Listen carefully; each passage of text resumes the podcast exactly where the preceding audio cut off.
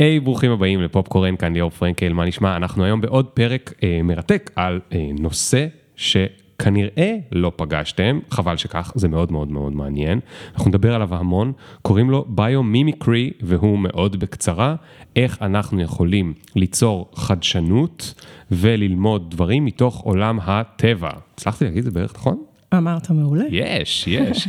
אנחנו פה היום עם אה, יעל הלפמן, שהיא לא פחות ממומחית אה, בתחום הביומימיקרי, והיא חוקרת ויועצת ומרצה, והיא בעצם ייסדה, אה, והיא גם השותפה המנכ"לית של הארגון הביומימיקרי הישראלי, לא היה כזה קודם בישראל. זאת אומרת, היא הביאה את זה לארץ, אנחנו, אנחנו נדבר קצת על מה זה להביא תחום שאין אותו בארץ, זה ממש כיף, ואיזושהי נישה משוגעת כזאת שהיא, אני אפילו לא יודע אם זה בעולם הטבע, בעולם הביולוגיה, בעולם, תכף תספרי לי. היא גם מייסדת של חברת אה, nature code שעוסקת בייעוץ לתהליכי חדשנות בהשראת הטבע, אה, שזה הכי, אני, את יודעת, אני חושב רגע על ה... הכי obvious, אז uh, ציפור ומטוס, וקרח uh, ופריזר, ואני לא יודע, מלא דברים שאנחנו יכולים לדבר עליהם. Uh, אנחנו נדבר אז אולי גם על דברים של איך לומדים מהחיות uh, לעשות... Uh, uh, דברים מכניים, אבל עוד פעם זה ה-obvious, אפשר לדבר על, על תכונות של חיות ועל, ועל uh, soft skills של uh, חיות ואיך אנחנו מוצאים אותם ואיך הם יכולים, בעצם איך אנחנו יכולים להסתכל עליהם וללמוד מהם דברים. Uh, אז uh, יש לנו המון על מה לדבר, איך מביאים תחום חדש ומה אפשר ללמוד מהחיות ועל מה זה בכלל חדשנות, uh, משהו שלכל אחד יש תשובה קצת אחרת, אז נשמע גם את התשובה שלך.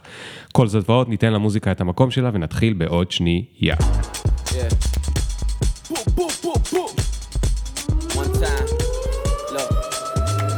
Ring the alarm. Hot ass nigga, yeah. big ass head so my dreams get bigger. Yeah. Me campaign strong so my flows get sicker. Yeah. Confidence bigger than a drum. אז הייתי חיילת משוחררת אחרי הצבא, הייתי קצינת חינוך.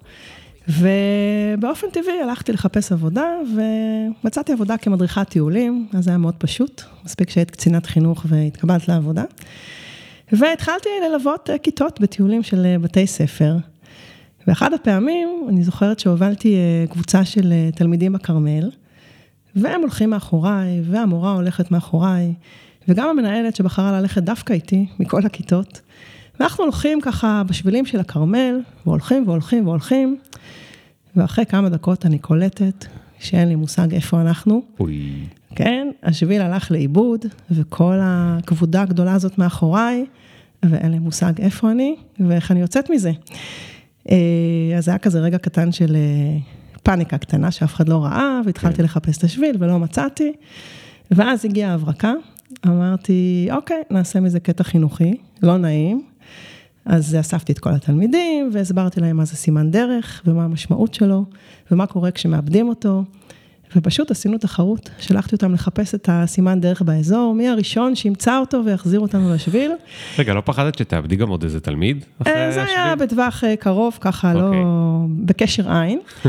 ובאמת, אחרי זמן לא מבוטל, אה, אחד התלמידים מצא את הסימן דרך, כולנו חזרנו לשביל. הגענו בשלום לנקודה הסופית. אוקיי. ואחרי זה המנהלת אמרה לי שרק בגלל האקט החינוכי היא החליקה את זה, וזה עבר הלאה. היא לא מעיפה אותה. בדיוק. אז, רגע, את, אה, את מטיילת הרבה? כאילו, מה הקשר שלך עם הטבע?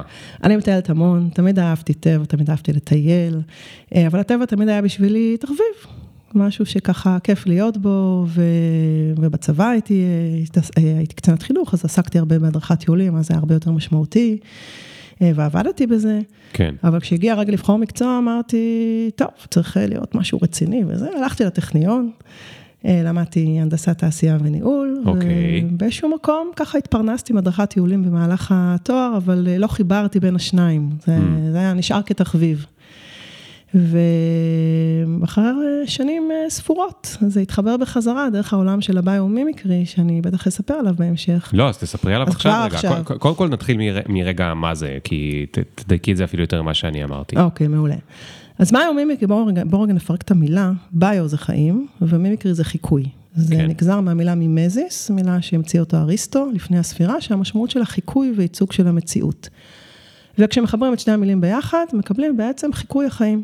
חיקוי הידע והתובנות בעצם שיש בחיים, בטבע, כשהרעיון הוא שאנחנו בעצם באופן מודע מתייחסים לטבע כמאגר ענק של פטנטים. Mm. תחשוב שיש לך גוגל במחשב, כן. אז יש לך במקום גוגל, גוגל כתוב לך nature, ואתה יכול להכניס איזה שאלה שאתה רוצה, ולקבל את התשובה של הטבע. איך מה הטבע... למשל? כל דבר. אה, למשל, אה, איך הטבע מפחית התנגדות לזרימה. Hmm. אז זה למשל... כלומר, כמו שאנחנו שמים סכר, או שאנחנו מקטינים צינור או משהו כזה? אז ממש ניקח דוגמה ספציפית. נגיד, כל ציפור שעפה סובלת מתופעה שנקראת מערבולת קצה כנף. בקצה של הכנף, בגלל המבנה האסימטרי של הכנף, שנועד לקצור את כוח העילוי, מתפתחת מערבולת. וזו בעיה שפוגעת באמת אה, אה, בכוח העילוי ומצריכה מה, מהציפור להשקיע יותר אנרגיה בתעופה. וזה גם בעיה של מטוסים. Hmm. אז כשהמהנדסים של חברת בואינג נתקלו בתופעה הזאת, הם באמת, אה, הפתרון הראשון היה להם, אוקיי, בואו נגדיל את הכנפיים, נקצור יותר כוח עילוי, אבל מה לעשות? יש חסם, חסם הוא הגייט בשדה התעופה, 80 מטר, אי אפשר להגדיל עד אינסוף. ואז באמת זיהו פתרון בטבע, שהרבה פעמים עופות דורסים, כשהם נתקלים בבעיה הזאת, הם מרימים את הקצה של הנוצות למעלה. פשוט מרימים mm. אותו לצורה של כמו רייש הפוך כזה. כן. וההתרוממות הזאת בעצם שוברת את המערבולת הזאת ופותרת את הבעיה. אז רגע, אז בגלל העופות הדורסים, ככה בקצה של הכנף יש את הקטע שזה נכון. עולה למעלה כזה בשפיץ? מאוד, נכון. איזה קטעים. ואם אתה, אתה זוכר, פעם אחרונה שטסת מהחלון, ממש רואים את ההתרוממות של נכון. הכנף של המטוס, זה נקרא כנפון, או winglet. וזה השראה מהטבע, זה הגיע מפתרון שזיהו בטבע, היום יש תעשייה שלמה והנדסה שלמה סביב הכנפונים האלה, שמסתבר שחוסכים כחמישה אחוז מצריכת הדלק של המטוס, שזה nice. מדהים. nice, nice. מה עוד, תני עוד איזושהי דוגמה עוד, מהפשוטים. עוד דוגמה, אז אה, למשל עלי הלוטוס, הוא גדל תמיד, פרח הלוטוס גדל בביצה, ולמרות זאת הוא תמיד נקי, הפלא ופלא, ואין אה, שירות ניקוי, אין אה, גמדים קטנים שבאים ומנקים אותו. זאת אומרת, גם אם הוא גדל בביצה מאוד עכורה כזאת, מאוד עכורה. הוא עלה מתוך משהו כזה מאוד חום וירקרק מלא בדברים, ואיך זה שהוא כזה לבן ונקי. איך שהוא קמית. איך, איך זה באמת? איך זה באמת. אז כן, אז זה באמת מה שנקרא שאלת פליאה. איך זה יכול להיות? כן, אנחנו, אני קוראת לזה ביי וואו, כאילו איך יכול להיות שזה קורה? וזה מניע את המחקר, הפליאה הזאתי. ובאמת, בוטנאי גרמני חשף את אפקט הלוטוס, שזה אומר בליטות קטנות קטנות, על העלה, ברמה הננומטרית, כן, רק תחת מיקרוסקופ אלקטרוני אפשר לראות את הבליטות האלה. Mm-hmm. והבליטות האלה הופכות, הופכות את העלה לסופר הידרופובי, דוחה מים בצורה קיצונית. וואו. מה זה אומר? זה אומר שכל טיפת מים שבמילא יש בסביבה, כן, גשם, טל, נופלת על העלה, נדחית ממנו, מקבלת צורה של כדור, מתגלגלת עליו, ועל הדרך עושה עבודה ומורידה לכלוך. אה. שזה פשוט גאוני, כי טיפות מים במילא יש באזור, מבנה מייצרים פעם אחת, ומקבלים שירות ניקוי חינם לכל החיים, ללא השקעת אנרגיה וללא דטרגנטים, חומרי ניקוי. מטורף, רק מהמבנה. אז זה עשו בלוטוס, אוקיי, מה עשינו עם זה בני אדם? אני רק אגיד, זהו, שיש כבר למעלה מ-200 פטנטים שנרשמו על יישומים שונים, ותתחיל לחלום, ליאור, באמת, יש אין סוף אפשרויות. אה, נמאס לך לנקות חלונות, יש היום ציפוי לחלונות עם אפקט הלוטוס, כל פעם שיורד גשם, לפחות מבחוץ החלון מתנקה.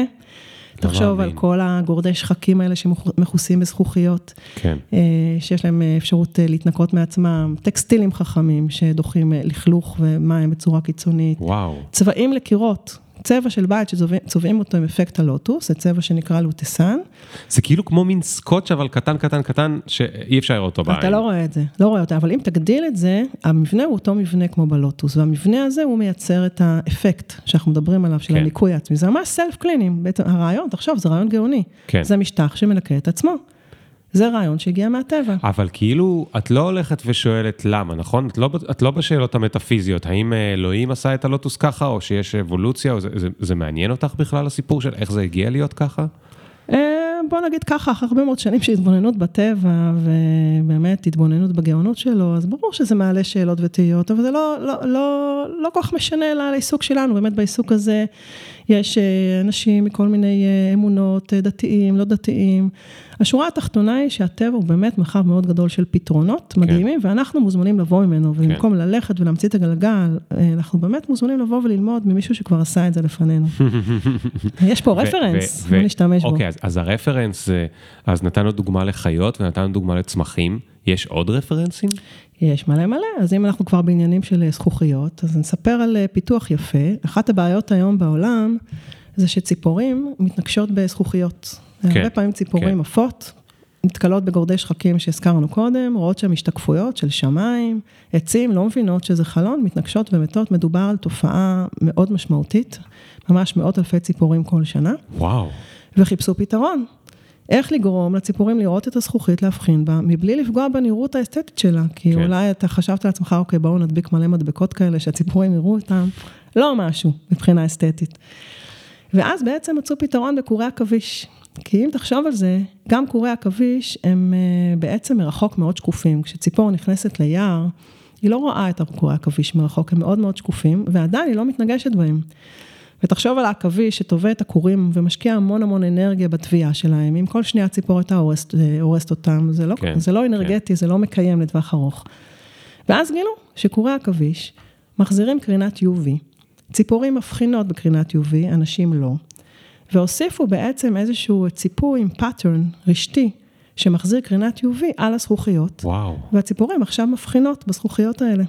איזה מטורף. זה מטורף. והיום זה נכנס ממש לתקן ליד, לבנייה ירוקה, וזה פותר את הבעיה. מדהים, מדהים. טוב, אז רגע, אנחנו יכולים להמשיך עם עוד מלא דוגמאות, וזה האמת שזה נורא מעניין אותי, אבל אני גם מתעניין בעניין הזה של איך מכניסים נישה חדשה למקום שבכלל לא מכיר אותה, נגיד ישראל, ואז אפשר קצת להשתלט עליה, לא במובן הרע, במובן הטוב של, של המילה. אז איפה פגשת את זה, ואיך החלטת להביא את זה לפה? אוקיי. Okay. אז uh, לתחום הזה uh, נחשפתי, לדעתי 2006, 2007, ממש מזמן.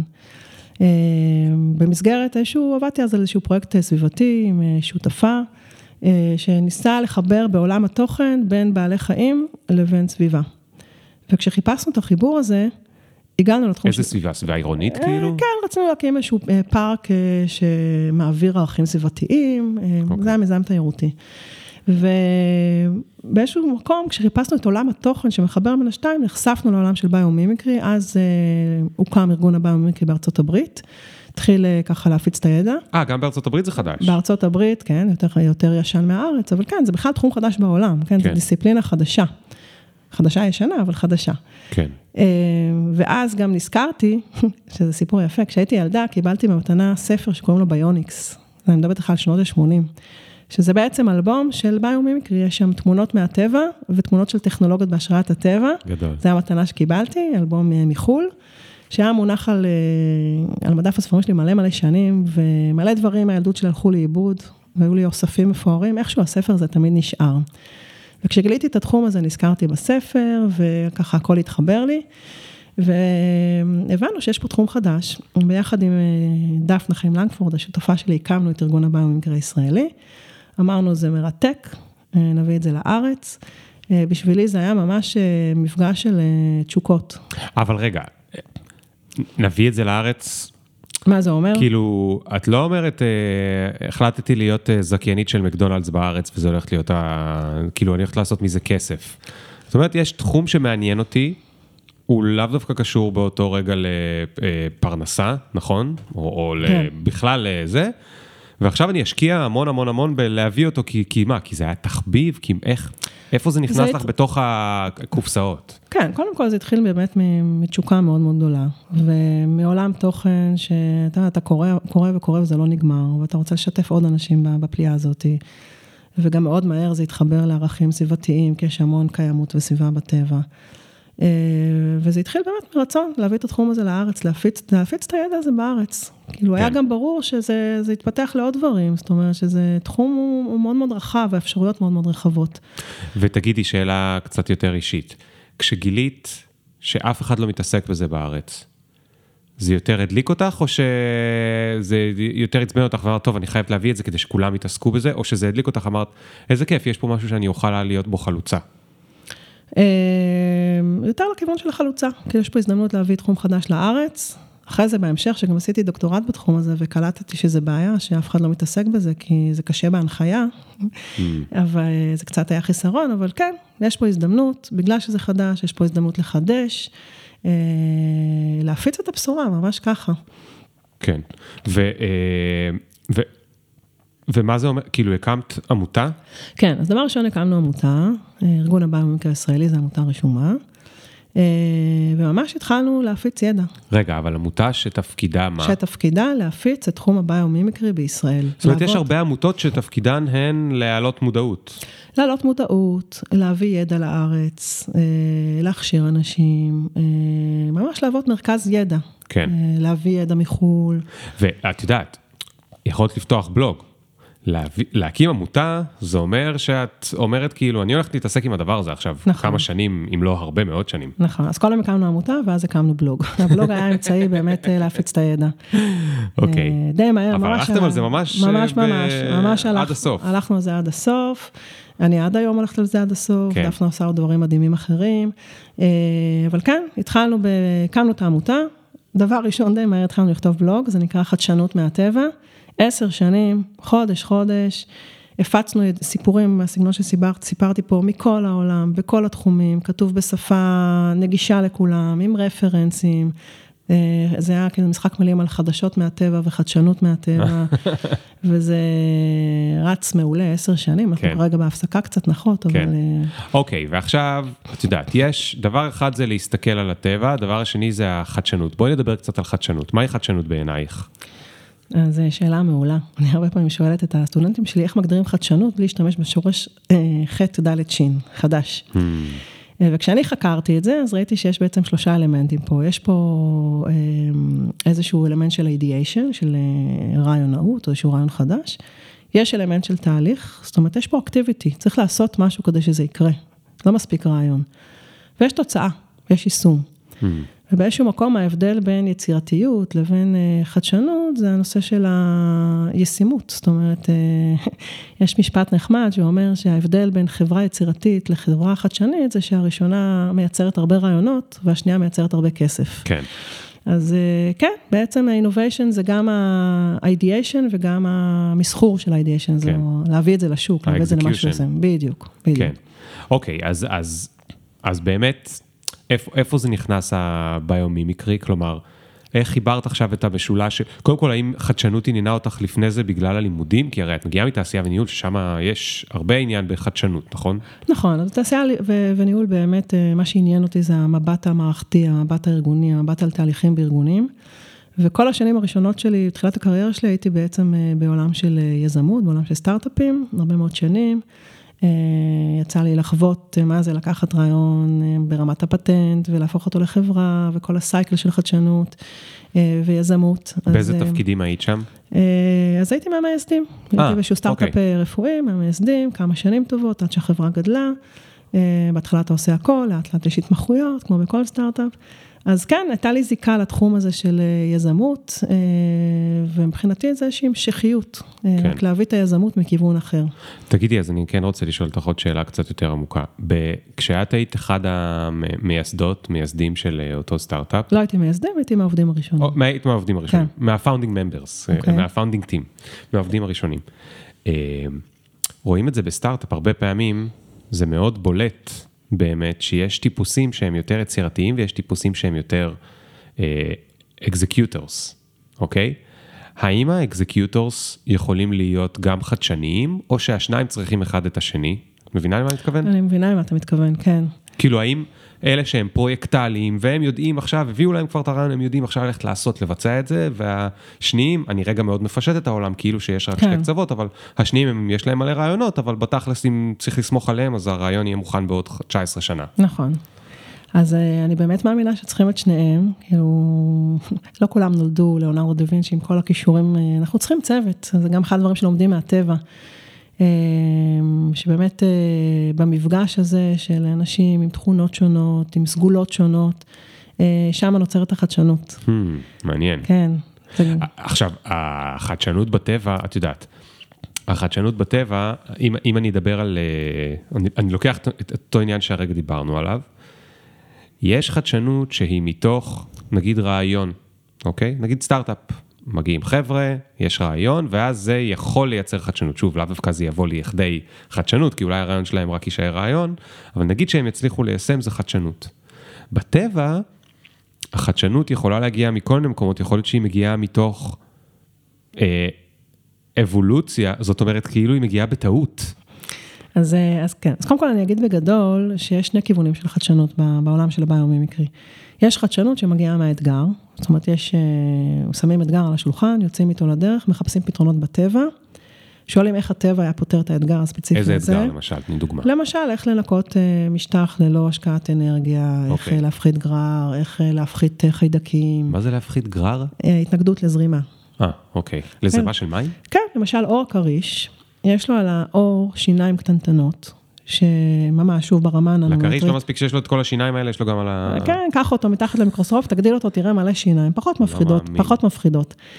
אבל השיניים הקטנטנות האלה הן גם מפחיתות גרר, זאת אומרת שמפחידות את ההתנגדות של הזרימה. אה, ואם אתה זוכר, היה איזה בגדי ים של אה, אה, ספידו שהשיקו באולימפיאדה, שנקרא Fastskin, שלבשו אותו אוקיי, שחיינים. אוקיי. עם, עם אפקט של עור הכריש. אני לא מאמין. ואז זכו במלא מדליות באותה שנה. זה לא פייר. זה היה, נכון, זה לא פייר, והוציאו את זה מה... זה כבר אסור להשתמש בזה. יואו.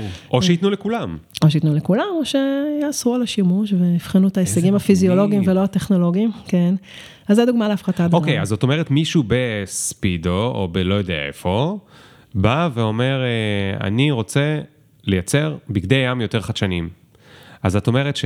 הוא היה הולך למהנדסי אה, טקסטיל, והוא היה הולך למהנדסי אה, בדים וזה, והיום יש לו בעצם עוד אופציה שהוא יכול לחשוב ללכת עליה, כדי נכון. לפתור את הבעיה. הוא נכון. יכול ללכת לביומימיקרי ולשאול, חבר'ה, אולי אתם מהטבע אתם מכירים משהו. נכון, כשהנתיב של החשיבה בנושא הזה הוא לבוא עם אה, אתגר, עם פונקציה. זאת אומרת, אני עכשיו הולך לשאול את הטבע שאלה, זוכר את הגוגל הזה שראינו קודם? כן. איך הטבע מפחית למשל התנגדות. כן. אז, ואז אני אמצא כל מיני תשובות בטבע, יש הרבה מנגנונים בטבע, זה נקרא אסטרטגיות. ואולי אחת מהן אפשר יהיה להטמיע באמת בטקסטיל של, של הבגד ים. אבל מאיפה יש לך את התשובות של הטבע? זאת אומרת, מישהו אחר, זואולוגי, מי, מי פועל כדי לייצר את כל הגוגל הזה, את כל, את כל הדאטה כן, הזה של... אז אני כבר, אני כבר אענה על השאלה הזאת, אני רק רוצה okay. אוקיי. להשלים את התשובה. אז כיוון אחד של חדשנות זה להתחיל באתגר ולמצוא פתרון בטבע. כיוון שני, זה ההפך. להתחיל בפתרונות של הטבע, mm.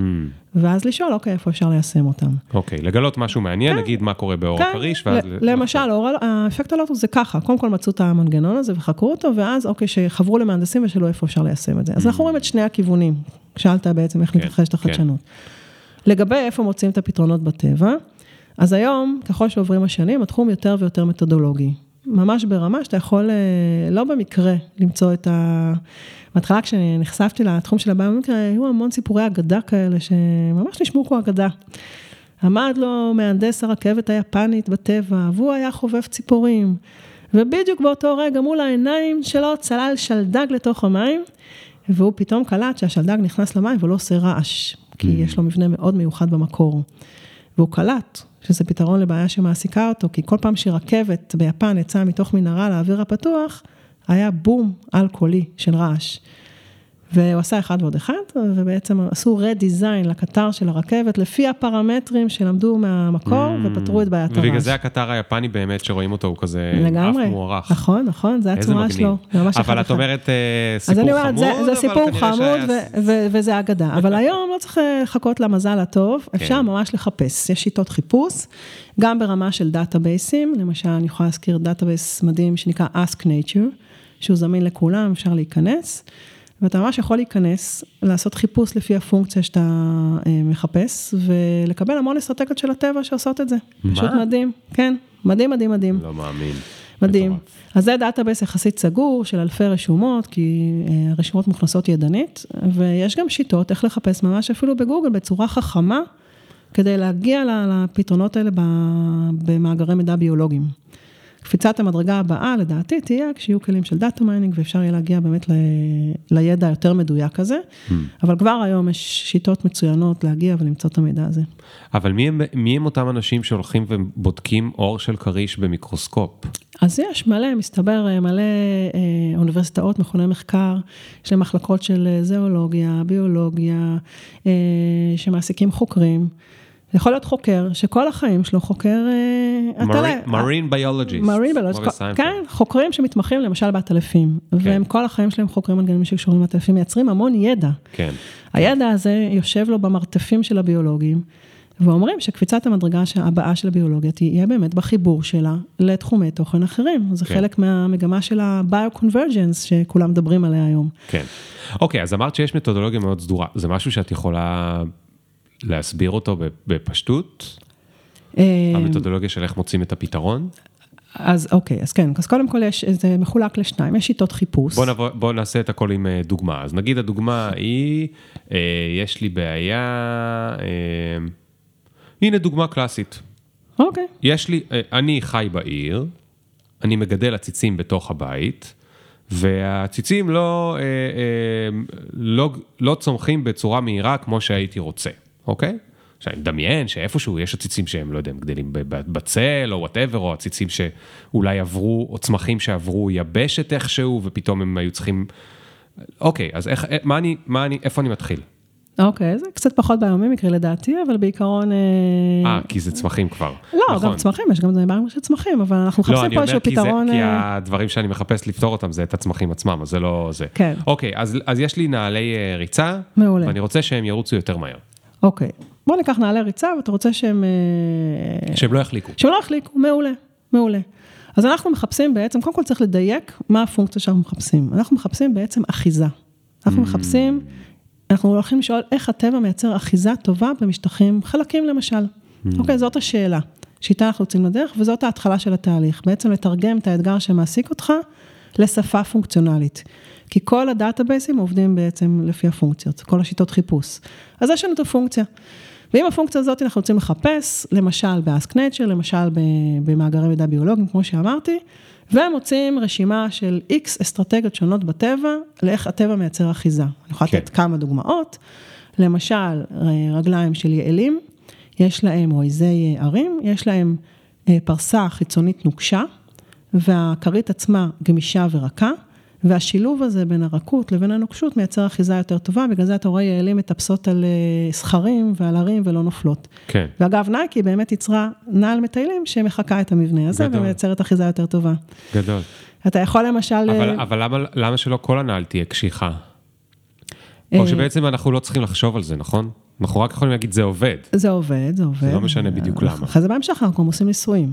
אוקיי. או אתה יכול לגלות למשל שבהרבה רגליים של אה, צפרדעים, או בעלי חיים שחיים באזורים אה, רטובים, יש להם ממש מבנה של כמו מאוינים וביניהם תעלות לניקוז של המים. אז כשהצפרדע מניחה את הרגל, המים בעצם עוברים בתעלות שבין וואו. המאוינים האלה, ובעצם אה, המשטח עצמו נשאר אה, יבש. וואו. שזה מטורף. כן. אז תחשוב על, אה, כן, אז תחשוב על נעל שיש לה מבנה כזה. אז זה הרעיון, אז מצאנו אסטרטגיות, החלטנו ללכת על אחת מהן. ואז באמת זה R&D לכל דבר, מייצרים אה, דוגמאות, אה, מנסים את זה במעבדה, לא במעבדה, בשטח, אה, משפרים את הביצועים של זה, כן. בוחנים פרמטרים שונים, איך הם משפיעים, למשל גודל, גודל, גודל המאוינים, גודל התעלות, ממש משחקים עם זה, עושים אופטימיזציה ומייצרים את הפתרון כן. המלא. אז תגידי, כשאת מסתובבת, קודם כל תראי, אני נתתי לך את הדוגמה עם הנעל ואת ישר אמרת האחזות, זאת אומרת יש... אה, יש לך כבר, את יודעת, ב, ב, בשליפה את, ה, את הטקסונומיה, אני לא יודע איך כן. לקרוא לזה, של כל ה... של הפונקציות שמחפשים וזה. יכול להיות אבל שיהיה גם משהו ש... את לא מצליחה לפורר את הפונקציה שלו? אז תראה, קודם כל באמת יש פה המון המון אה, חשיבה פונקציונלית. זה משהו ש... למשל זה נושא שלומדים בקורסים במקרים, מתרגלים את החשיבה הזאת, זה משהו שאפשר לתרגל אותו. מה זה חשיבה פונקציונלית? חשיבה פונקציונלית זה, זה בעצם אה, לבוא משני כיוונים, לקבל סיפור בטבע, אתה נחשף למלא טקסטים בטבע, דרך סרטים, דרך טקסטים. וממש לזקק את הפונקציה שבעצם מדברים עליה שם, אוקיי? Mm. להוציא במילה אחת, אה, אוקיי, על מה הטקסט מדבר בעצם, מה הפונקציה. וחשיבה פונקציונלית זה אם לקחת אה, אתגר, שהרבה פעמים הוא סיפור מאוד מאוד אה, גדול, יש לי בעיה ואני הולך לרוץ ואני מחליק, ומספר, מספר, מספר, שורה תחתונה. מה הפונקציה פה שאנחנו צריכים. זה בא משני הכיוונים, וזה משהו שאפשר באמת לתרגל אותו, ומתרגלים אותו, ואז הוא בא יותר בטבעיות. Hmm, הבנתי. אז יש פה, אגב, למשל, את הבאת לי את ה... יש לך ספר שנקרא הטבע שאני, אה, ובעצם יש פה מלא מלא מלא, זה מחולק כאילו לאותם הרבה מהם זה נראה כמו הפונקציות שהזכרת, נכון? נכון. אמ, נגיד ריצה לטווח ארוך, או אה, יש פה התרחשות כן. או סטגלנות. אני יכולה, אה, אה... יכולה באמת לתת דוגמה. קודם כל, הספר הזה הוא באיזשהו מקום התרחבות של ביומימיקרי. זאת אומרת, ביומימיקרי, אני כל השנים תמיד הסתכלתי על הטבע דרך חדשה טכנולוגית הנדסית. כן. אה, לקחת את הטבע ליישומים של הנדסה, ליישומים של טכנולוגיה. אבל תמיד ידעתי שיש בטבע הרבה יותר. כן. הטבע הוא לא רק הנדסה וטכנולוגיה. זה כאילו בלי הרומנטיקה. כן, ואמרתי, אוקיי, אני רוצה להרחיב את העדשה ולהסתכל על תופעות בטבע שיש להן משמעות גם לחיים הארגוניים ולחיים האישיים שלנו. ואני יכולה לתת אולי דוגמה מתוך הספר, אה, נושא של פשטות. אוקיי. אה, הטבע בעיניך פשוט או מורכב? מה לדעתך? בעיניי הוא מאוד מורכב. נכון. הרבה אנשים חושבים שהטבע באמת מורכב, הוא, יש בו מורכבות, שלפעמים קשה לנו להבין אה, מה זה אומר. זה אומר שבכל רמה של היררכיה, שתסתכל על הטבע, אם תגדיל אותו עוד ועוד ועוד, תראה עוד מבנים ועוד מבנים. יש בו משהו נורא נורא מורכב. מצד שני, הוא גם תמיד נוטה לפעול בדרך הפשוטה ביותר. Hmm. זה, זה אמר ברנולי, הטבע תמיד נוטה לפעול בדרך הפשוטה ביותר. אז איך מיישבים את המתח הזה בין המורכבות לבין הפשטות לכאורה? אז מסתבר שהטבע תמיד פועל בדרך הפשוטה ביותר האפשרית לו.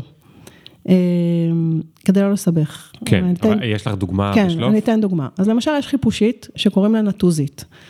מה הקטע שלה? היא אה, מדי פעם היא ככה מתהפכת על גבה, לא נעים, צריכה להתהפך בחזרה.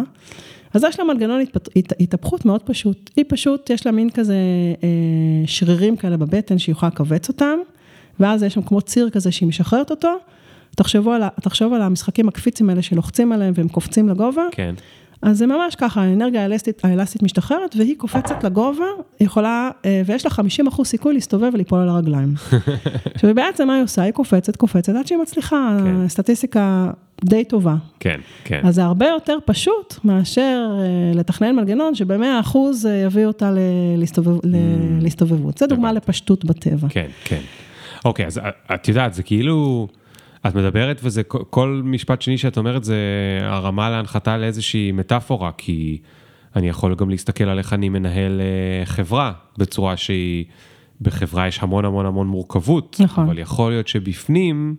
אני עושה את הדברים uh, פשוט ככל שאפשר. או נכון. לפעמים קוראים לזה uh, the path of least resistance. נכון, לגמרי. נכון? כאילו איך אני עושה משהו בצורה שהיא הכי פחות uh, חיכוך. נכון, נתיב המאמץ המזערי, כן. שגם הטבע אלוף בזה. נכון, כן. ובין, זה, זה הרעיון של הספר, להרים להנחתות, להרים למטאפורות. Uh, הנה משהו שאני רואה פה בספר, יעילות ולא יעילות. כן, טוב, פה יש איזה משחק מילים שלי על המילה יעילות. כן, מה זה יעילות? אה, זה באמת קצת יותר ככה מטאפורה וקצת יותר אה, רומנטי. אה, יש, הטבע הרי באמת הוא אלוף באופטימיזציה, באיך לקצור משאבים בצורה אופטימלית.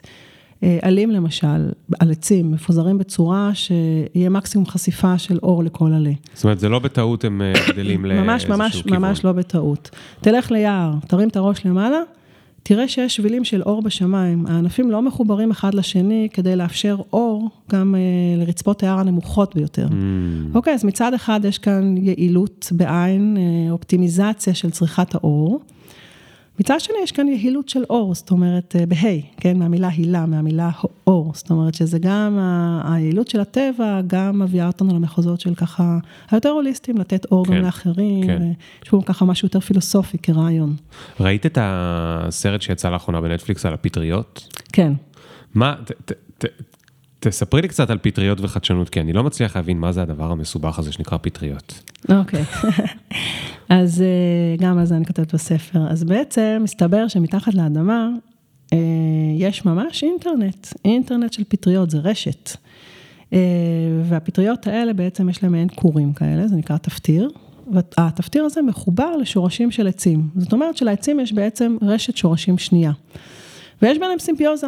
הפטריות נותנות לעצים זרחן וחומרים מהאדמה, מקבלות אה, אה, חומרים מהעצים, פחמן וכולי, ויש ממש אה, סחר חליפין ביניהם וסימביוזה.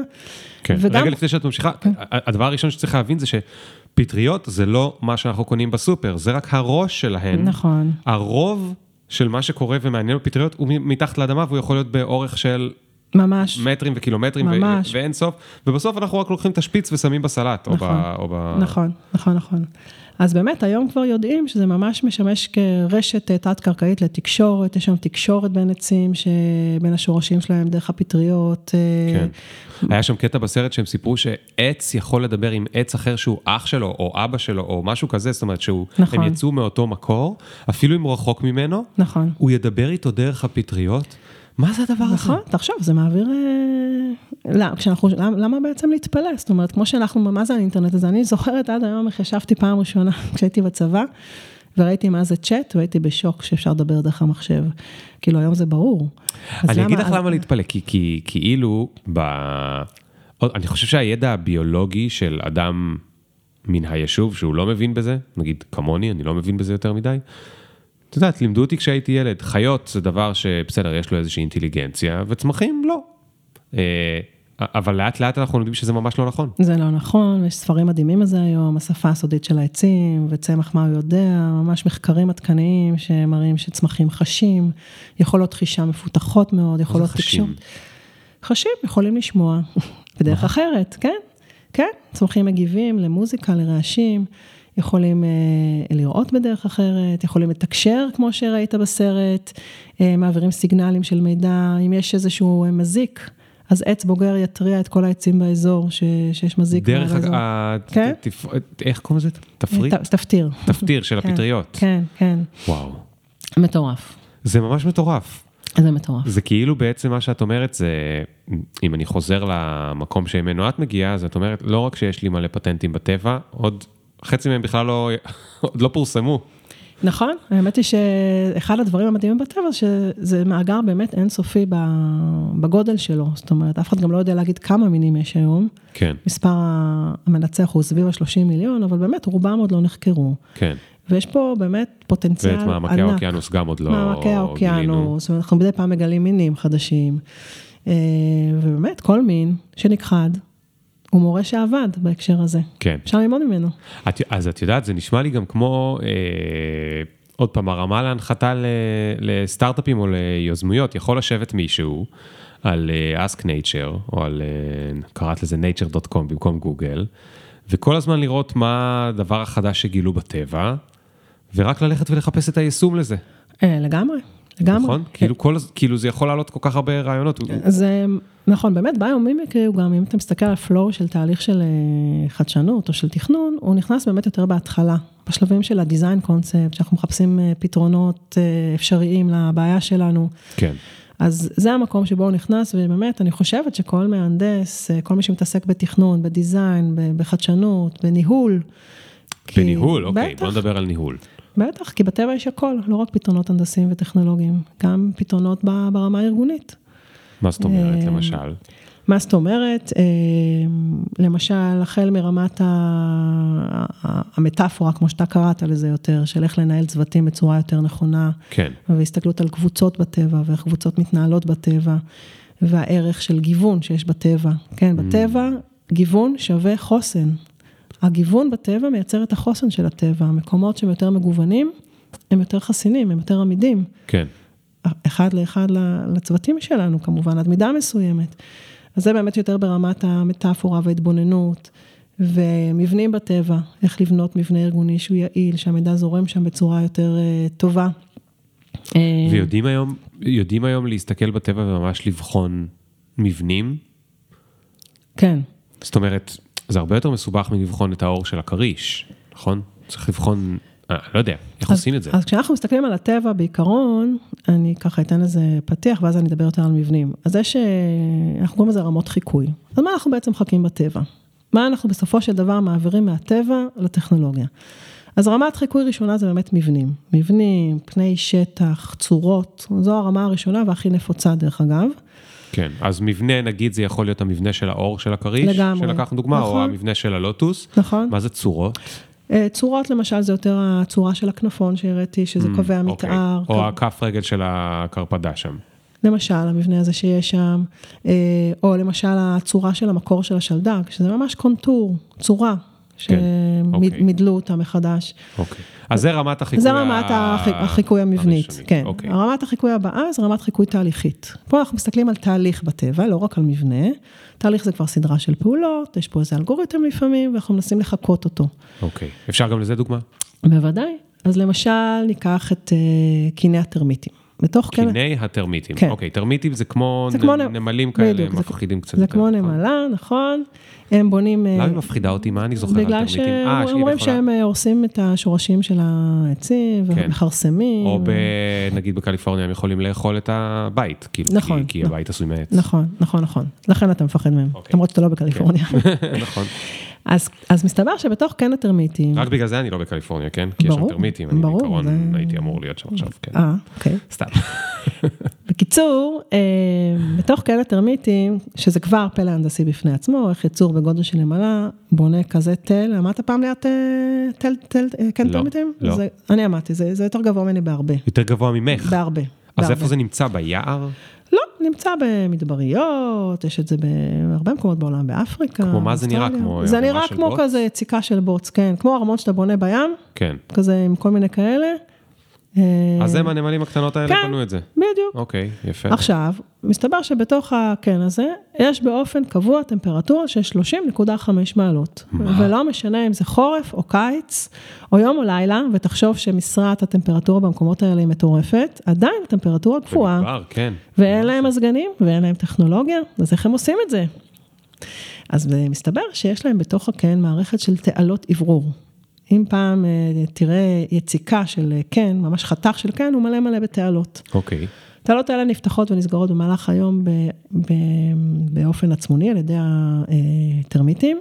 כשהן נפתחות... רגע, מה זאת אומרת נפתחות ונסגרות באופן עצמוני על ידי טרמיטים? לא הבנתי. אוקיי. הטרמיטים סוגרים את החלון ופותחים את החלון? אז זהו, אז יש, יש שתי, שתי אסכולות, איך זה קורה בדיוק. אחת, שעצם התנועה שלהם בתוך הקן מייצרת איזושהי שינויים בזרימה שפותחת וסוגרת, והאסכולה השנייה שממש פותחים וסוגרים. לוקחים גרגיר חול, מזיזים, פותחים וסוגרים. וואו. אבל מה קורה כשזה נפתח?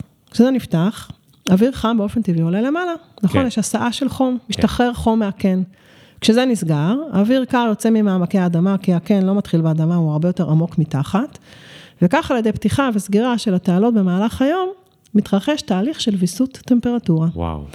אז יש כמה טרמיטים בתוך החבר'ה שהם כאילו אחראים על הטרמוסטט. כן, סוג של טרמוסטט לגמרי. עכשיו, אה, למה דווקא 30.5 מעלות? גם יש פה סיפור של סימביוזה, הם חיים איזושהי פטריה בקן, שזה הטמפרטורה החביבה עליה. מה? לגמרי. כל זה בשביל הפטריה, ומה הפטריה עושה להם? אה, מייצר, עוזרת להם לייצר מזון, ונעזרים בתוצרים שלה, שהיא פולטת וכו'. איזה חמודים, כל הזמן זה, אתה, אתה חוזר לטבע ואתה אומר כאילו, הם כולם כאלה חמודים והם לא צריכים אותנו בשום מובן, כאילו אנחנו חיים בסרט שלנו שאנחנו נורא חשובים ועושים את כל הדברים המגניבים האלה, והנה אנחנו יושבים במשרד ומקליטים פודקאסט וזה, אבל יש להם חיים מלאים. יש להם חיים מלאים, וכל פעם שאנחנו מסתכלים עליהם זה פשוט, אני אומרת, זה עניין אינסופי, זה פשוט עניין אינסופי. אוקיי, אז, אז, אז עכשיו אמרת, אני אז... מחזיר אותנו, זה היה חיקוי ברמה השנייה, לא, שהוא אבל, חיקוי אבל, תהליכי, אבל לא אמרתי לך מה עשו עם זה, אוקיי. אז מה עשו עם זה? אז בנו, מה היית עושה עם זה ליאור? כאילו, יש לך עכשיו מנגנון לוויסות טמפרטורה מטורף, מבני. אה, הייתי, מה זאת אומרת, מתכנן ככה מגדל של כל דבר, של אה, אחסון של חיטה, מגדל של whatever. אה, אז אני שמחה לבשר לך שכבר יש קניון מסחרי גדול בזימבבואה, בהררה, שאין בו בכלל מזגנים, רק, רק על המזגנים חסכו איזה שלושה וחצי מיליון דולר, ובמקום מזגנים עטפו את כל המעטפת של המבנה הזה בהמון המון צינורות. שנפתחים ונסגרים בהשקעת אנרגיה מינימלית במהלך היום, מביאים אוויר, אוויר קר מהאדמה, ומווסתים את המעטפת של המבנה הזה לטמפרטורה נעימה, אל תדאג, לא 30 מעלות, ל-22, 23 מעלות. איזה מגניב. חוסכים הרבה מאוד אנרגיה. וואו, אז הם בנו שם קניון שהוא כן טרמיטים ענק. אה, כן, לא נראה כמו כאן טרמיטים, אבל הוא עובד באותה כן, צורה. כן, במקום פטריה יש חנויות... אה, אז כן, אז זו דוגמה יפה לחיקוי של תהליך של ויסות טמפרטורה בטבע. אה, עוד דוגמה מרתקת זה כל העולם של הנחילים. שנקרא Swarm Intelligence, אינטליגנציית הנחיל. שפה אנחנו הולכים ומתבוננים על כל מיני... נחיל זה כאילו כמו נחיל דבורים, או נחיל נח... נמלים, בדיוק, או נחיל... בדיוק, נחיל דבורים, נחיל נמלים, אה, שפה אנחנו מסתכלים על ההתנהגות הנחילית שלהם. שזה למ... כאילו קבוצתית. זה קבוצתית, כן. בעצם, כן נמלים זה סופר אורגניזם, הוא מתנהג כאורגניזם אחד גדול, אורגניזם על, לכל נמלה יש תפקיד, ויש שם כל מיני אלגוריתמים מדהימים שאנחנו מנסים לחקות אותם היום. למשל, ראית פעם נמלה עומדת בפקק? אה, לא. לא, לא ראית ולא תראה, כי יש להם באמת סינכרון אה, מטורף ביניהם. אתה יכול לראות שיירה ענקית של אה, נמלים. ואפילו הן הולכות אחת אחרי השנייה, ולהם אין נתיבים, כאילו הם יכולים כן ללכת מהצד, נכון. ועדיין הן הולכות אחת אחרי השנייה ואין פקק. נכון, והן גם תמיד מוצאות את הנתיב הקצר ביותר למזון. יש להם ווייז. נכון, יש להם ווייז, אם תשים סלע בדרך שלהם והם יצטרכו לעקוף אותו כדי להגיע למזון, הם ימצאו את הדרך הקצרה ביותר.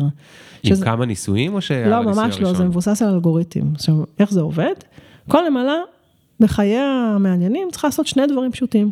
אחד, ללכת ולהפריש סיגנל ריח, זה נקרא פרומון, וכל עוד היא הולכת, זה כמו שאתה נושם, היא הולכת וכל הזמן מפרישה את הסיגנל הזה. Mm. זה דבר ראשון. דבר שני, הנמלה צריכה ללכת למקום שבו הריח יותר חזק. אוקיי. Okay. אז תחשוב מה קורה, נניח הנמלות, הנמלים מגיעים לסלע הזה, ופה הן לא יודעות אם ללכת מימין או משמאל, ואף אחד עוד לא היה שם קודם, אז הן מתפצלות באופן אקראי. חלק הולכות נגיד מימין, חלק משמאל, וממשיכות להפריש. בוא נניח לצורך הדוגמה שמימין זה יותר קצר. כן. אז אלה שהלכו מימין הגיעו יותר מהר למזון, חזרו יותר מהר בחזרה, ואז הריח שם נהיה יותר חזק. אני בשוק. אז הנמלים הבאות שבאות לצומת כבר מריחות ריח יותר חזק בצד ימין ופונות ימינה. זה דוגמה לאלגוריתם, כן, זה נקרא כן. End Optimization. והיום אלגוריתם מהסוג הזה מנתבים, למשל, משתמשים בהם למשל בניתוב של אה, תעבורה ברשת, בגוגל, בווייז, אה, בשליחה יותר יעילה של אה, משלוחים, כמו חברות פדקס שמשתמשות ב... כן. איזה מטורף. אני אגב, למדתי לא בדיוק על הנמלים, אבל על דברים דומים ב... כשהייתי בטכניון, אז אני, ההתמחות שלי הייתה, למדתי הנדסת אלקטרוניקה. ההתמחות שלי הייתה ברשתות אלחוטיות. והבעיות היו באמת איך מעבירים אה, אלחוטית דאטה יותר גבוה, או במילים פשוטות, איך יהיה לנו בטלפון, אז לא היה טלפון, אבל מה שכן היה, היה כזה פלאפון באוטו של מוטורולה, זוכרת של פעם, איך מעבירים יותר מהר את השיחות, או איך מעבירים יותר מהר את הדאטה כשזה התחיל להתחבר למחשב, ואיך כולם רוצים בו זמנית עכשיו להעביר הודעת וואטסאפ, איך הן לא מתנגשות אחת בשנייה ואיך גורמים לאופטימיזציה של הדברים. ובאמת לפעמים הפתרון היה לנסות להעביר בכמה אזורים במקביל ולראות מאיפה זה חזר הכי, אה, אה, הכי מהר. יפה. וזה, וזה מדהים שהנמלים פשוט כאילו... עושות את זה, כן. בלי ללמוד בטכניון. נכון. אז זו דוגמה באמת אה, יפה לתהליך. והרמה השלישית היא באמת הסתכלות ברמת המערכת. ופה אנחנו מסתכלים איך מערכות בטבע עובדות, מזקקים עקרונות פעולה שלהם ומיישמים אותם. אז לדוגמה, דוגמה, דוגמה, אחד העקרונות החזקים בטבע זה זבל שווה מזון. זבל שווה מזון. מה okay. זה אוקיי. אומר? זה אומר שהמושג waste, פסולת, לא קיים בטבע. כי אם יש עודף של חומר, אז או שהוא חוזר לאדמה ומתפרק ומזין אותה, או שבא בעל חיים אחר ו- ומשתמש בזה כמקור מזון ואוכל את זה. זאת אומרת, ככה הטבע בעצם בנוי, ככה כן. החומר מסתחרר בטבע. אה, והיום זה באמת עיקרון שמאוד מתכתב גם עם הנושא של כלכלה מעגלית, שכולם מדברים עליה היום. ואני יכולה, יכולה לתת דוגמאות לאיך מיישמים אותו. כן. אז למשל, יש היום פארקים בעולם, פארקים תעשייתיים. דמיין את הפארק הכי תעשייתי שאתה יכול לדמיין, שבנוי לפי העיקרון הזה, זה נקרא סימביוזה תעשייתית. מה זה אומר? זה אומר שפסולת של מפעל אחד, במקום עכשיו להביא משאיות ולפנות אותה רחוק לאיזה מטמנה, היא עוברת למפעל הסמוך, כי זה בדיוק חומר הגלם שהוא צריך. אה, מדהים. לדוגמה, אה, בתהליך ייצור החשמל יש עודף של גופרית, במקום לזרוק אותה לפח, מעבירים אותה למפעל הסמוך שמייצר גבס. גדול. כי גופרית זה חומר גלם וייצור גבס. כן, כן. אז היום באמת בונים כאלה פארקים, מתכננים את הסימביוזה הזאת מראש, כדי לאפשר לחומר לזרום בצורה טובה ולמקסם את השימוש בו, בדיוק כמו בטבע. כן.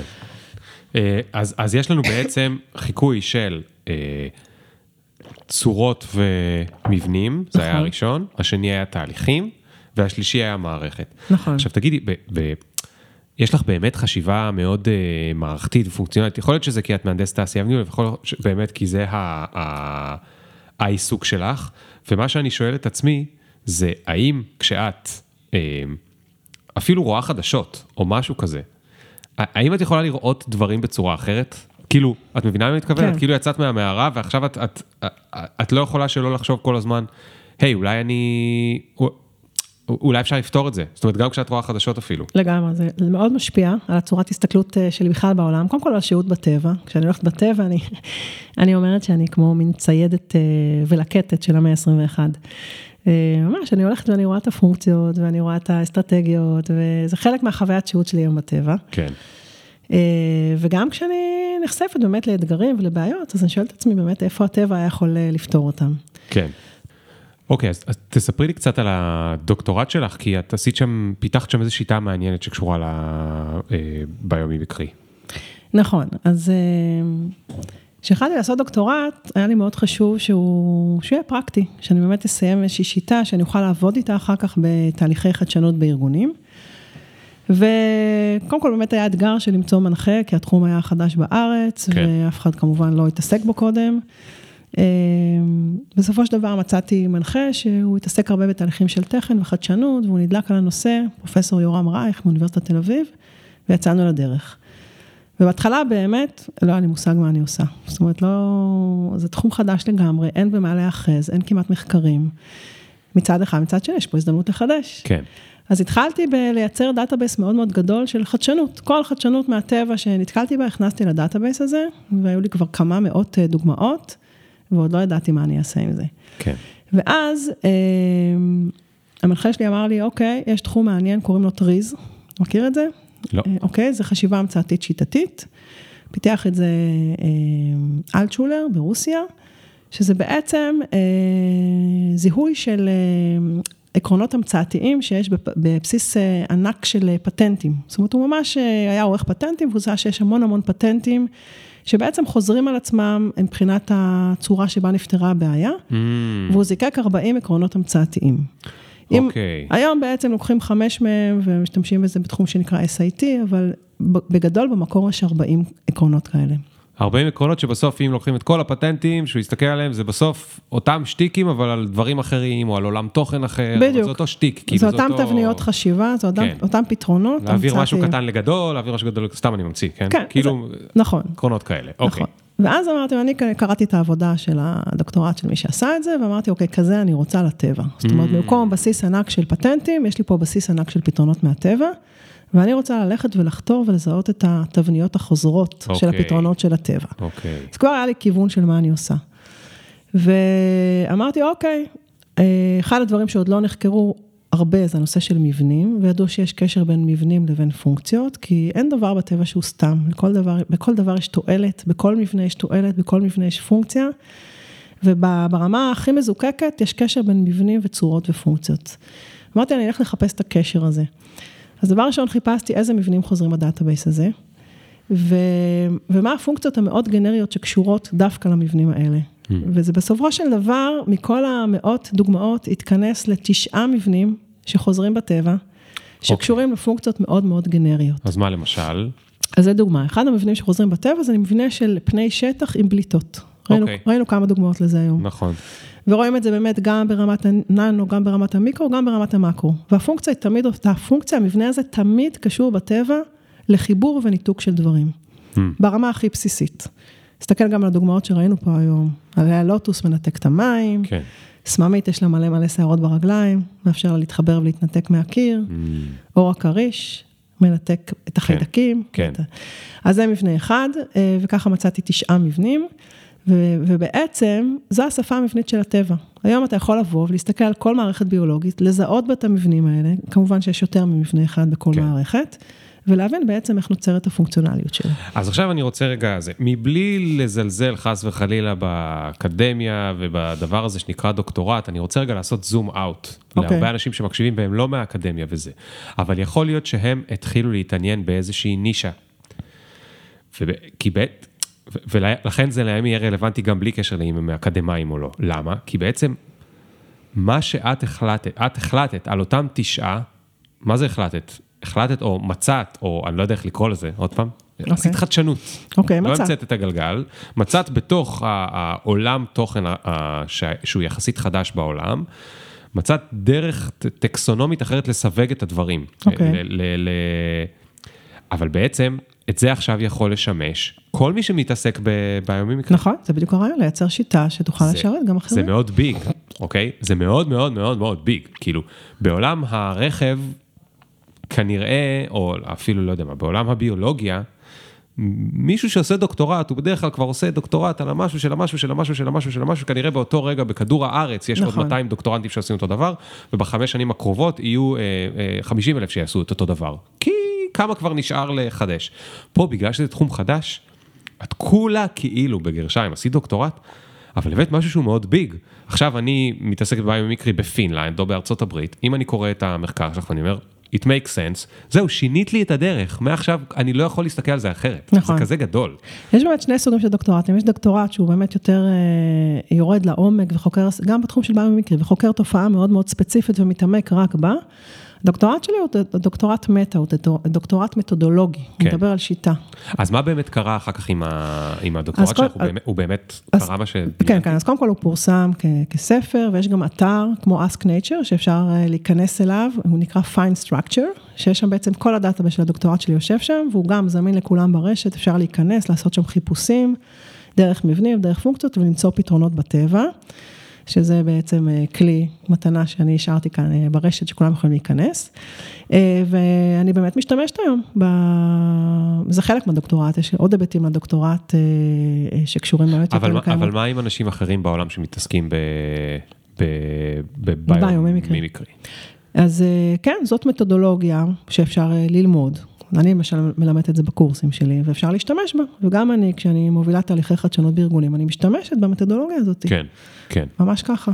אוקיי, הס- הסיבה שאמרתי היא לא רק לדוקטורנטים, זאת כן. אומרת, כי בסוף היופי, ועוד פעם, אני רגע מתייחס למטה של השיחה שלנו ולא למהות עצמה. במטה של ה... למצוא נישה שהיא כל כך חדשה, זאת אומרת, היא לא, היא לא באמת חדשה, כי גם אינדיאנים וגם אנחנו וגם, כאילו, מזמן למדנו כנראה דברים מהחיות, אבל היא נכון. חדשה מבחינה המדעית והמסודרת. נכון. אה, להביא אותה לארץ, לפתוח עמותה, ואז גם לבנות לה איזושהי מתודולוגיה חדשה, זה, זה די מדהים, זאת אומרת, את פרת מזל במובן הזה, נכון? שבחרת בזה ולא באחד מהאלף דברים האחרים שכבר קיימים אה, 200 שנה. אה, נכון, באמת מרגישה ש... עוסקת בתחום מרתק, באמת, באמת, באמת. זה- אוקיי, טוב, את מסמיקה פה, אני... אה, כן. יש פה... אה, תגידי, עכשיו, מה הקשר בין אה, חדשנות וכל הסיפור הזה ולהוציא ספר? אז אה, כן, אז אה, אחד הדברים שאני אוהבת לעשות גם לכתוב. הייתי כמה שנים בסדנאות כתיבה, וככה פיתחתי את התחביב הזה שלי. וראיתי שהרבה טקסטים יוצאים לי לכיוון של, של הטבע, אני כותבת על הטבע, אני בוננת בטבע, זה, זה נושא חוזר בכתיבה שלי.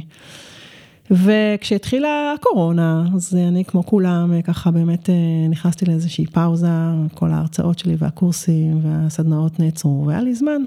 כן. היה לי זמן, ובריק של הקורונה, אה, באמת אה, ככה ישבתי וכתבתי יותר לעומק את הדברים שיש כאן, אספתי דברים שכתבתי קודם, והיה לי חשוב באמת באיזשהו מקום לארוז את החוכמה הזאת של הטבע, שאני אולי ברת מזל להיחשף אליה ו- ולהנגיש אותה גם לאחרים, כי הטבע כן. הוא פשוט נורא נורא חכם. אה, אז אני חושבת שרציתי גם שזה יהיה יפה ואסתטי כמו, כמו הטבע. כי מאחורי האסתטיקה והיופי של הטבע יש הרבה מאוד חוכמה. אם משהו יפה בטבע, יש מאחוריו איזושהי חוכמה, איזושהי תועלת. אז אה, זה ככה מה שהנחה אותי בכתיבה. גם כן. להביא את חוכמת הטבע לאחרים, אה, דברים שאני התבוננתי וראיתי, כי בעצם זה משלב גם בין, בין אמת מדעית, כל מה שכתוב כאן נכון מבחינה מדעית זה תופעות נכונות בטבע, אבל עם איזושהי משיכה שלהם אה, לאיזושהי רפלקציה, כן, למה זה אומר לגבינו, כן. לא- לעורר את המחשבה. כן. אז, אז שאלתי את זה קודם על החדשות, אבל עכשיו אני אשאל את זה על החיים שלך והקריירה שלך. כשאת עושה דברים, אז את כל הזמן אומרת, אה, כן, אני כמו הכנרית שזה עכשיו, זאת אומרת, זה עוטף אותך עד כדי כך? לא, לא עד כדי כך. לא, כי לפעמים הדברים האלה שמתעסקים בהם, אגב, זה גם אנשים שמתעסקים נגיד באלגוריתמים וזה, זה נכנס לך לחלומות, זה נכנס לך ל... ל... אני כן, אה, אתה יודע, מבחינתי הטבע זה איזשהו חומר ליצירה, אתה יודע, כמו שסופר הולך כן. ומקשיב לשיחות גנובות ושומע ואוסף מילים, אז אני בטבע ואני אוספת כל מיני דברים, ומתישהו זה יוצא החוצה, אתה יודע, כן, דברים כן. יפים שראיתי, דברים שעניינו אותי. תראי, מה שמטורף בשיחה הזאת, אנחנו מגיעים לסיום שלה, אני רוצה להגיד לך שמה שמטורף הוא שאנחנו רק דיברנו על הטבע, ואני מרגיש יותר רגוע. וואו. זה מטורף, אנחנו רק דיברנו על הטבע, דיברנו על איך להשתמש בטבע לדברים פרודקטיביים ויצרניים וזה, אבל מרוב זה שאמרנו ציפורים, ודמיינתי כל הזמן את הפטריות ואת העצים, ואת ה... קשה לא לדמיין את זה. אה, כבר נהייתי קצת יותר רגוע. נכון, יש משהו מאוד מרגיע בטבע. אה, יש לנו גם כמיהה, זה נקרא ביופיליה, להיות, להיות בטבע. כשאנחנו בטבע אנחנו מרגישים יותר רגועים, יותר נינוחים. יש היום ממש המלצה לאנשים לצאת לטבע, לעשות אמבטיות שמש, מקלחות יער, כל אחד קורא לזה בשם אחר, כן, וזה כן. באמת, באמת באמת מרגיע, וזה גם מקור אה, ענק לחדשנות, אני חושבת שפחות, אה, אולי אני אגיד עוד משפט על זה, על, על למה זה מקור לחדשנות. אחד הדברים המדהימים זה שבעצם הטבע פותר בעיות בדרך אחרת ממה שאנחנו רגילים לחשוב, אוקיי? מישהו פעם שאל אותי, איזשהו מהנדס אה, ותיק, אז אם אני רואה בטבע פתרון שאני כבר מכיר, אז הוא לא חידש לי. זה נכון, אבל מה שאנחנו מחפשים בטבע זה את הפתרונות שהם שונים מהאופן שבו אנחנו חושבים. כן. והטבע באמת מאוד מאוד שונה. אה, עשו איזה מחקר, ממש הלכו והשוו בין איך הטבע פותר בעיות לבין איך הטכנולוגיה פותרת בדיוק את אותן בעיות. מה הפרמטרים? ומצאו דבר מדהים, בעוד שהטכנולוגיה פותרת בעיות באמצעות חומר ואנרגיה, אותן בעיות בדיוק נפתרות בטבע באמצעות מבנים ומידע. מבנים חכמים, וואו. חוסרים חומר ואנרגיה, ומידע שזה המון תהליכים של סינכרון, שדיברנו עליהם קודם, כן. שפותרים בעיות. אז אה, באמת, הטבע פותר בעיות בדרך אחרת, ממש אבל, בדרך טוב, אחרת. אז עכשיו אני לא יכול שזה יהיה דבר אחרון שאמרת, כי זה נורא מעניין אותי, אז, אז ניתקע על זה עוד, אה, עוד דקה, עוד בסדר. דקה. כאילו, אני חושב, אוקיי, אני, אני בסטארט-אפ, אז אני חושב על סטארט-אפ או על איזושהי חברה, ואני אומר, אוקיי, לנו יש בעיה מאוד ספציפית, שאנחנו רוצים לפתור רק אותה. והשקיעו בנו כדי שנפתור רק אותה, ואנחנו מנסים לעשות כסף מזה שנפתור רק אותה, ויש לנו אג'נדה בעולם לפתור רק אותה, רק אותה, רק אותה. קשה לנו מאוד להסתכל לצדדים על המערכת ולהבין איך בצורה סימביוט, סימביוטית אנחנו יכולים, אה, לוקח אותך לדוגמה שנתת לי על המפעלים שהם מזינים אחד את השני. זאת אומרת, מישהו היה צריך לבוא שם ולהגיד, אתה וגם אתה וגם אתה תוכלו להרוויח את זה. מישהו חיצוני כנראה. אה, בטבע, אני עכשיו איזושהי ציפור וואטאבר, uh, אוקיי? ואני, יש לי מלחמה על משאבים, ויש לי זה... למה, למה אני עושה את כל הסימביוזה הזאת בכלל? זאת אומרת, איך זה שזה נוצר בכזו סימביוזה ולא נוצרה מלחמת גוג ומגוג וכולם הפסידו וניצח רק מין אחד? כן. שאגב, מישהו עכשיו מקשיב ואומר, כן, בני אדם. נכון. אז כן, זה לא שאין תחרות בטבע ואין מאבקים בטבע, ברור שיש, אבל באמת ברמה, ברמת על, אה, יש איזשהו איזון שמבין אה, שכשיש מקום לכולם, בסופו של דבר כולם באמת אה, מרוויחים, זאת אומרת, החיים בטבע תומכים בחיים של כולם. כשעץ צומח, אז עצם תפקודו ועצם קיומו, הוא מזין עוד הרבה אורגניזמים אחרים בסביבה, הוא מייצר חמצן, הוא מייצר חומרי הזנה. כן. הוא גם לא יכול לחיות לבד, הוא צריך את היער איתו. הוא לא ישרוד, עץ לבד לא שורד כמו עץ בתוך יער. כן. אה, אז, אז כן, יש איזה, זה, זה משהו נורא נכון בתפיסה של הטבע.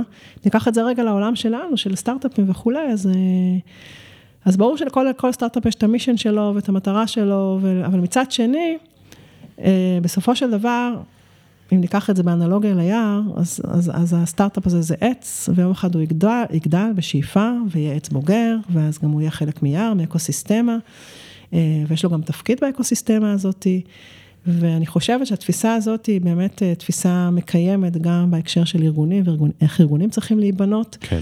אה, ו... כן. איך שאמרת, הוא, יצטרך את האחרים. הוא יצטרך את האחרים. כן. כן, הוא לא חי לבד. הוא חי בתוך אקוסיסטמה. כן. ובאותה מטאפורה, המנהלת צריכה את העובדים, היא לא יכולה רק לנצל את המשאבים שלהם, כי אז לא יהיו עובדים. נכון. אה, נכון. טוב, זה מקסים. אז, אז כן, שאלה אחרונה, אחרונה, אחרונה, אחרונה, אחרונה אישית, את יוצאת עכשיו ליער, לטיול, אבל את פתאום בעבודה? כאילו, את מצליחה ליהנות מה... אני מאוד נהנית, ההפך, אני כן. רק נהנית יותר. אוקיי. אני רק נהנית יותר. אוקיי, את לא תקועה כאילו על רגע מה אני, רגע אחרי, אני יכולה גם... תעצרו שנייה, אני חייבת לבדוק פה רגע את האגם, איך הוא בדיוק קופא כש... לא, אני אוספת, אני, זה, יש שאלה שמעניינת אותי, אני אחר כך חוזרת הביתה ובודקת אותה. אה, אני יכולה להגיד לך שזה לא רק אני, זאת אומרת, כל מי שנחשף לתחום הזה של ביומימיקרי, ואולי גם אתה, ואולי גם מי שיקשיב ל... פתאום ישים לב שזה מסביבנו כל הזמן. כן. אז אתה יוצא לטבע ואתה רואה משהו, וזה אגב לא חייב להיות בטבע. אתה יכול לשבת לראות, יש חדשנות שהתחילה מול אה, national geographic, יש כן. איזה פרופסור אחד, שראה פינגווינים קופצים החוצה מתוך מים.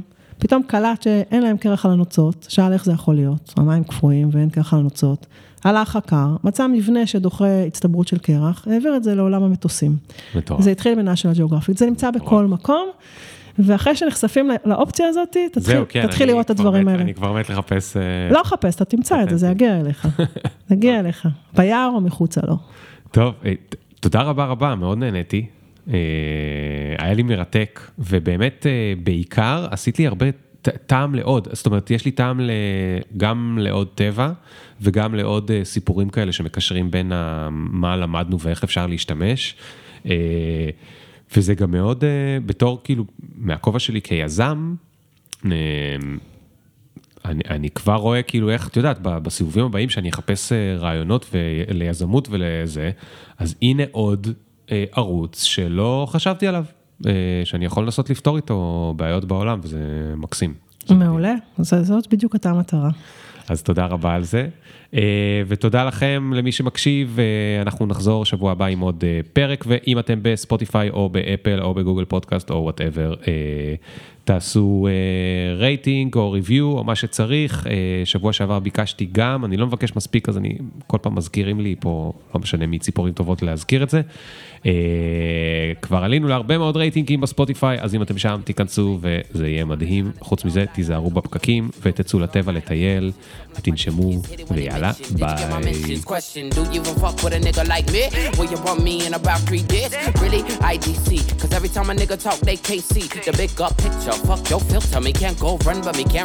ביי.